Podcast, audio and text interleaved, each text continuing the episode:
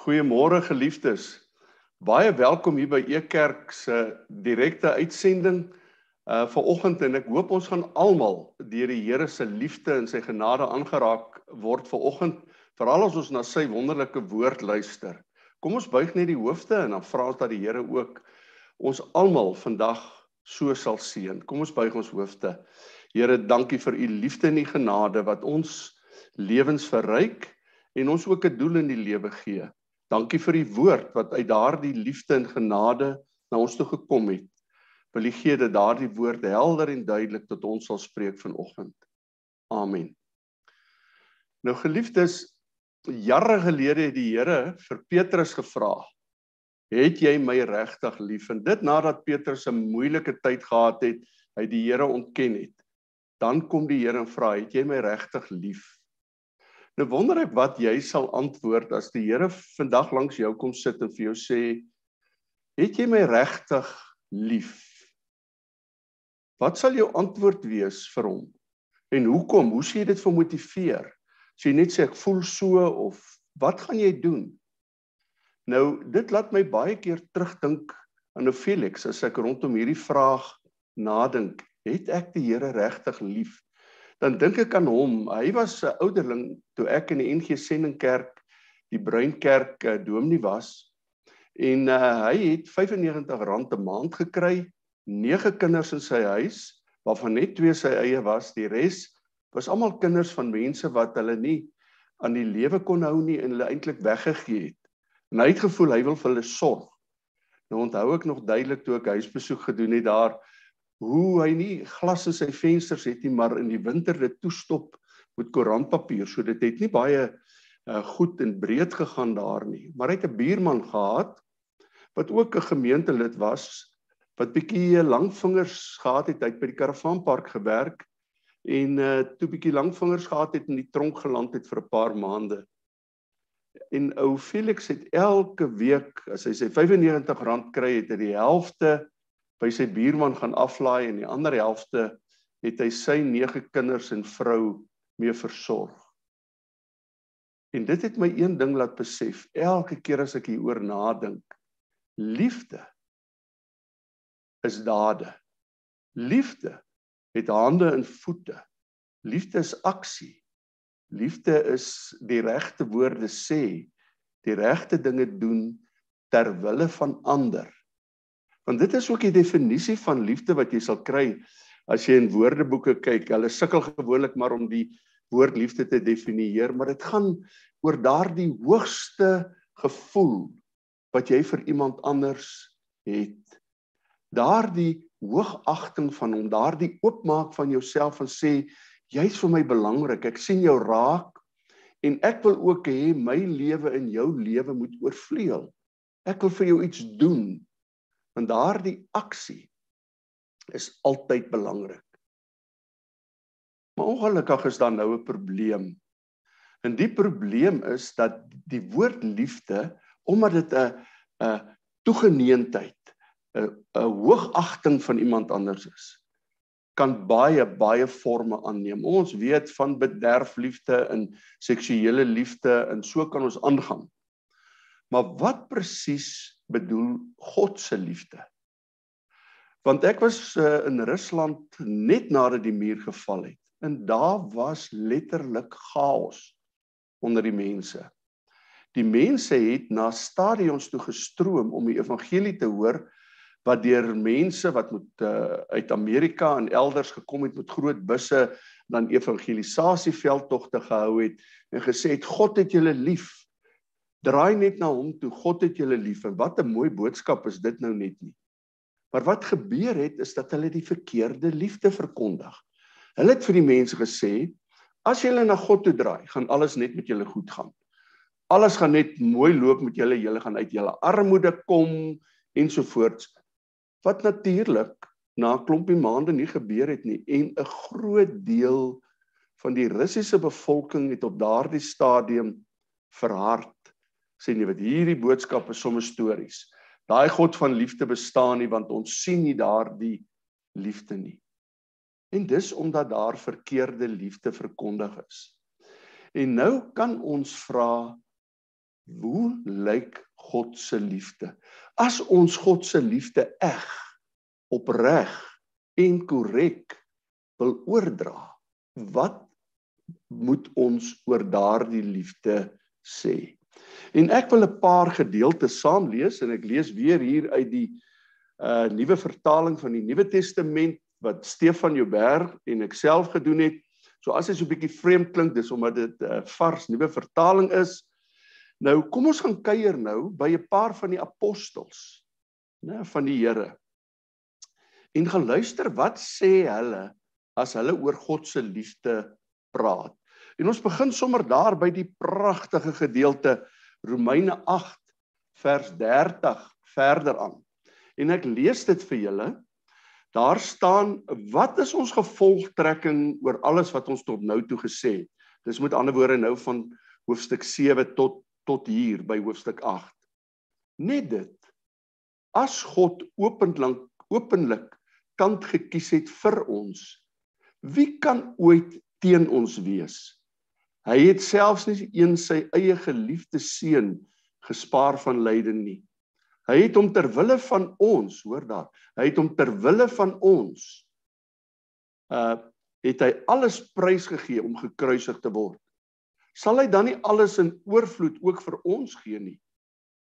Sal hy ons nie in sy liefdevolle goedheid laat deel hê in alles wat Christus vir ons gedoen het nie? En dan so twee verse verder Wie sal ons ooit kan wegskeur en skuldig kan bewys 'n uh, uh, wegskeur van die liefde van Christus vir wat hy vir elkeen van ons het? Sal die volgende dinge dit dalk regkry? Moeilikheid, benoudheid of vervolging of hongerpyne of groot armoede wat maak dat geen klere aan ons lyf meer oor is nie? Of uiterlike gevare of gewapende aanvalle? Nee. Dit sal ons nooit kan wegskeer van Christus nie. Daar hoor ons baie duidelik hoe Paulus dit stel. God se liefde word aan die kruis van Christus en met sy opstanding vir ons bewys. Hoekom? Omdat hy dit vir ons gedoen het. Omdat ons nie meer aangekla kan word nie. Omdat niks ons meer uit die hand van God kan rug ruk nie want God se liefde bind ons aan hom. Met ander woorde, Paulus kyk na die einde waar ons saam met God gaan leef en sê dit is God se bewys. Dit gee hy vir julle. Kom ons lees nog 'n vers uit 'n ander apostel. Ons gaan lê besoek af by Johannes. Dit is uh die die geliefde disipel van die Here wat uh, daar saam met hom aan die tafel gesit het En ons lees daar hoofstuk 4 vers 7 en verder. Hy sê geliefdes, laat ons mekaar lief hê want die liefde kom van God af. Die persoon wat liefhet is uit God gebore en ken God. Die persoon wat egter nie liefhet nie, ken God nie, want God is liefde. God is liefde. So het God sy liefde vir ons gewys. Nou vertel hy, hoe lyk God se liefde? God het sy unieke seun na die wêreld toe gestuur sodat ons ewig deur hom mag lewe. So moet 'n mens dus liefde verstaan. Dit is nie ons wat God liefgehad het nie. Nee, dis hy wat vir ons liefgehad het. Kyk, hy het sy seun gestuur as verzoening vir al ons sondes. Daarom geliefdes, as God ons so liefgehad het, behoort ons ook mekaar lief te hê. Dit is hoe Johannes, die ander groot apostel van die Here liefde beskryf. Jesus is God se bewys van liefde. Daar het ons vriendskap, ons versoening met God plaasgevind. Daar weet ons, ons is nou vir altyd, vir ewig in God se hand, want Jesus het ons die ewige lewe gegee. Weer moet ons hier kyk soos Paulus beskryf Johannes ook hierdie liefde nie in terme daarvan dat God nou vir ons alles doen nie. Hy hy help ons wel, moenie misverstaan nie. Maar hy sê die hoofbewys in die uiteindelike resultaat van God se liefde is die feit dat ons ewig saam met hom sal kan lewe. Dis ons verhouding met hom. En daarom moet ons vashou, daaraan moet ons vashou. Nou ken ons almal ook hierdie vers uit Johannes 3 vers 16 wat sê so lief het God die wêreld gehad dat hy sy enige gebore seun gegee het sodat elkeen wat aan hom glo die ewige lewe sal kry. Dis hoe God se liefde lyk. Nie daardie liefde wat die mense daar in Rusland verkondig het dat God nou soort van 'n 'n bederfliefde het wat alles vir jou laat regloop. Daar loop nooit iets verkeerd nie. Nee, God se liefde is 'n liefde wat jou vashou, wat jou aan hom bind en jou die versekering gee. Hy is by jou vir altyd. Nou sal jy dadelik dalk sê, Ja, maar wat help daai liefde dat ek eendag in die toekoms daardie liefde regtig eg gaan ervaar as ek daar by die Here is? Wat van vandag? Wou, nie te vinnig nie. As ons na vandag kyk, het daai liefde 'n groot effek. Want God sê Jesus, sy seun het sy lewe vir ons afgelê tot op die einde. En ons moet ook ons lewens so aflê. Ons gaan nou daarby kom. Wat beteken dit as jy vir ander mense jou lewe aflê? Dit beteken dat jy die beste wat jy het waar jy nie verder meer kan gee nie want want jy sterf nou dat jy bereid is om dit te gee. Wat beteken dat alles minder, daai stukkie brood wat jy vir iemand gee, daardie klere waarin jy iemand help, dit alles word ingesluit. Want jy moet gaan tot op die punt waar jy sê nou gee ek my lewe tot voordeel van ander. Dis wat Jesus gedoen het. Met ander woorde, dit het 'n direkte boodskap vir ons van vir vandag waarby ek nou gaan kom.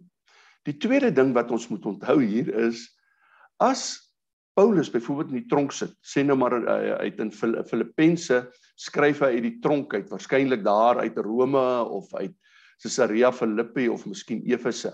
Ons weet nie presies nie. Nou skryf hy hierdie brief, hy sit in die tronk. Maar sê hy, weet jy, dit sal vir my die wonderlikste wees om by Jesus te wees. Dis dis waar ek wil wees. Met ander woorde, daar by Jesus in die hemel. Maar hy sê as die Here nou nog vir my 'n werk het, 'n taak het, dan volbring ek dit. En hy sê, weet jy wat dan? Dan leef ek uit die krag van Jesus nou, want ek weet Hy hou my nou deur dik en dun, deur swaar kry, deur alles hou hy my vas omdat ek aan hom behoort en eendag ook saam met hom sal wees. Ek wil tog vir julle daai versie uh daai gedeeltetjie net saam lees waar Paulus dit beskryf. Hy sê God se liefde beteken vir my nou dat ek die krag van sy evangelie en sy liefde ervaar. Hy sê in uh, Filippense vers 12 sê hy die volgende: Ek weet wat dit is om met baie min oor die weg te kom en om arm te wees. Ek weet wat dit is om baie op my naam te hê en ook in oorvloed te leef. Ek het die geheim ontdek om om, te, om tevrede te wees in elke omstandigheid en situasie. Dit dra my as ek te veel het om te eet en as ek honger is maar dit dra my ook as ek oorgenoeg het om van te leef en as ek niks op my naam het nie. In alle omstandighede is ek in staat om te volhard deur Christus. Dis hy wat my die krag gee om sterk te staan. Geliefdes dis wat God se liefde nou aan jou doen. Dit gee jou die krag omdat dit jou oë oopmaak in goed en sleg vir sy teenwoordigheid en sy liefde vir jou. Maar ons ek het net nou gesê dat daar staan dat as God ons so liefhet, moet ons mekaar ook lief hê. Nou hoe lyk dit? Kom ons lees weer 'n paar gedeeltes oor hoe hierdie liefde van God in ons lewens gestalte moet kry. En ek wil hê ons moet na Johannes toe blaai. 1 Johannes, dis sy brief. Uh, hy's redelik agter in die Bybel, En dis natuurlik die boek van liefde. Die brief van liefde omdat daar paar maal staan God is liefde en hy ons aanspoor om lief te hê. So dis regtig die boek van liefde. So mense kan daar gaan lees. Veral daarvan hoofstuk 3 vers uh, 9 en 10 af kan jy begin lees tot by hoofstuk 5. Dan dit gaan net oor die liefde. Maar kom ons luister wat sê hy in 1 Johannes 2 vers 5. Uh nou ek gaan begin lees by ehm um, uh, 2 Johannes vers 3. Ons weet ons ken Jesus as ons sy opdragte gehoorsaam. Iemand wat egter sê dat hy God nie ken nie en sy uh, uh, gehoorsaam nie sy opdragte nie en dan is hy 'n leienaar en die waarheid maak nie deel van sy lewe uit nie. En hoor nou. God se liefde het egter in hom sy doel bereik wat luister na wat God sê. So weet ons ook dat ons in 'n hegte verhouding met God staan. Iemand wat beweer dat hy in so 'n hegte verhouding met hom staan, behoort self ook te leef soos Jesus geleef het. Hierin het God se liefde sy doel bereik dat ons soos hy liefhet dat ons soos Christus optree. En ek wil nou net 'n 'n oomblik stil staan by hierdie woorde God se liefde bereik sy doel. Nou as jy in die ou vertalings kyk dan word daar vertaal met God se liefde het volmaak geword né ons volmaak God se liefde volmaak nou die woord wat hier gebruik word teleios uh is die uh, jy weet die die woord dit beteken volmaak en doel bereik. En nou wonder baie mense hulle sê hierdie woord volmaak beteken dit dan nou dat God se liefde nie volmaak is nie. En dit word verkeerd verstaan. Daai woord volmaak is bietjie misleidend in hierdie konteks. Want wat hierdie woord eintlik hier beteken is dat God se liefde vir ons se uiteindelike doel is dat ons daardie liefde vir mekaar deurgee. Met ander woorde ons word die kanaal van God se liefde wat hy deur sy seun bewys het. Word ons die kanaal om daai liefde deur te voer. En daar waar ons hande vat, daar waar ons moet dinge doen, daar waar ons moet help, moet dit eintlik wees asof God help. Ons moet leef soos Jesus geleef het. Met ander woorde waar God se liefde uiteindelik sy doel bereik is in die lewens van ander mense aan wie ons sy liefde deurgee. Ons is die ontvangers van hierdie wonderlike liefde van God van God.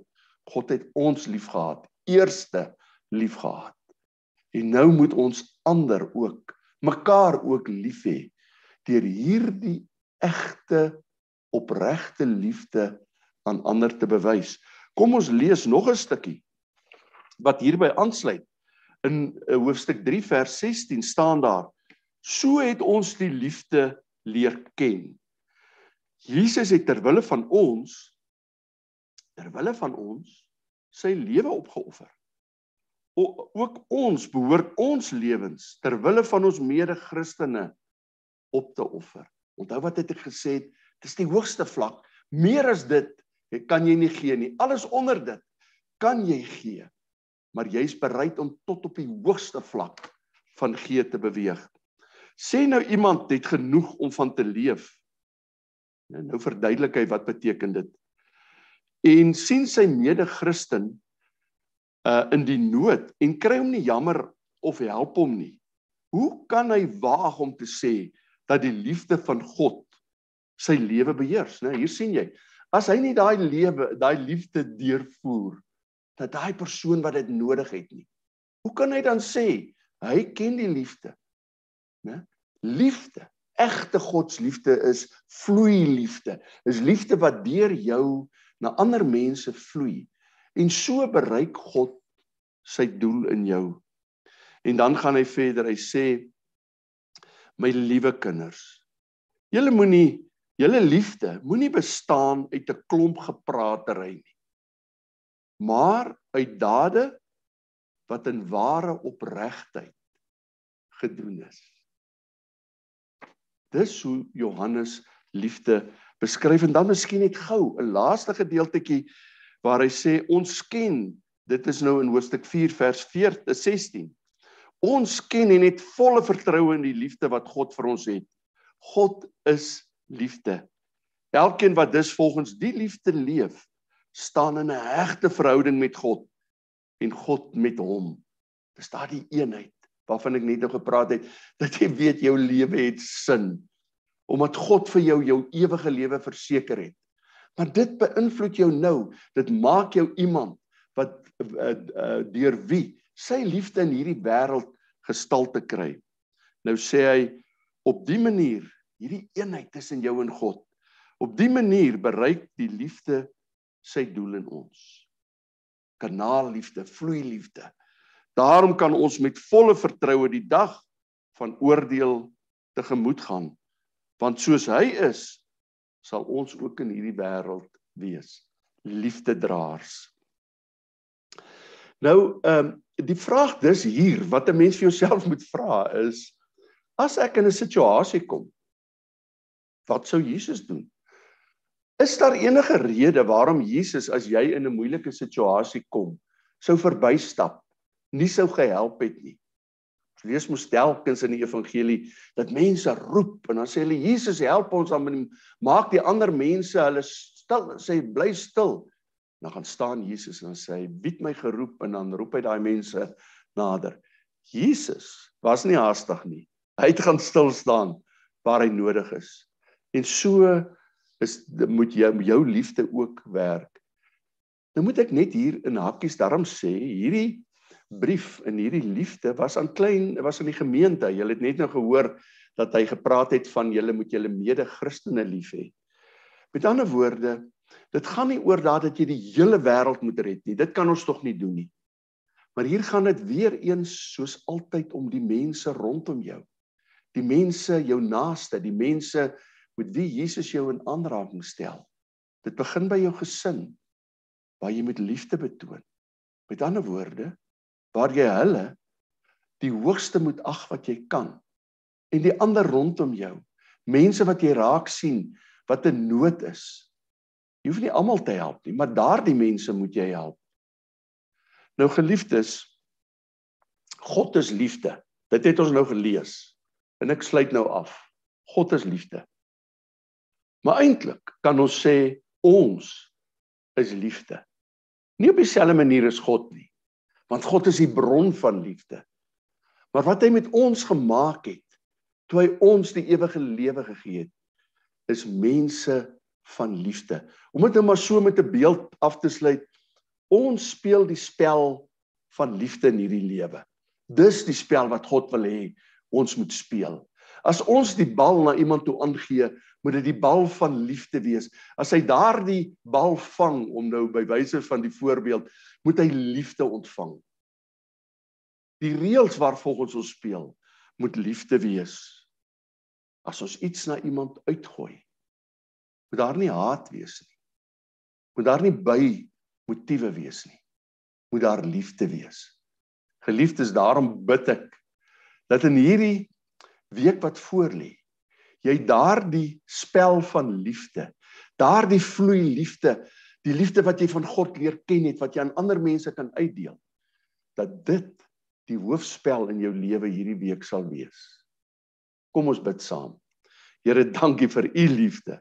En dankie dat u vir my en vir al u kinders so vertrou met u liefde dat u sê hulle u liefde, u teenwoordigheid in hierdie wêreld aan ander mense moet wys, moet deurgee.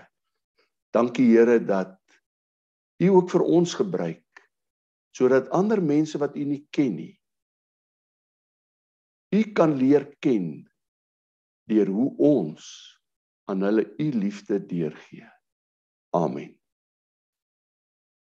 thank you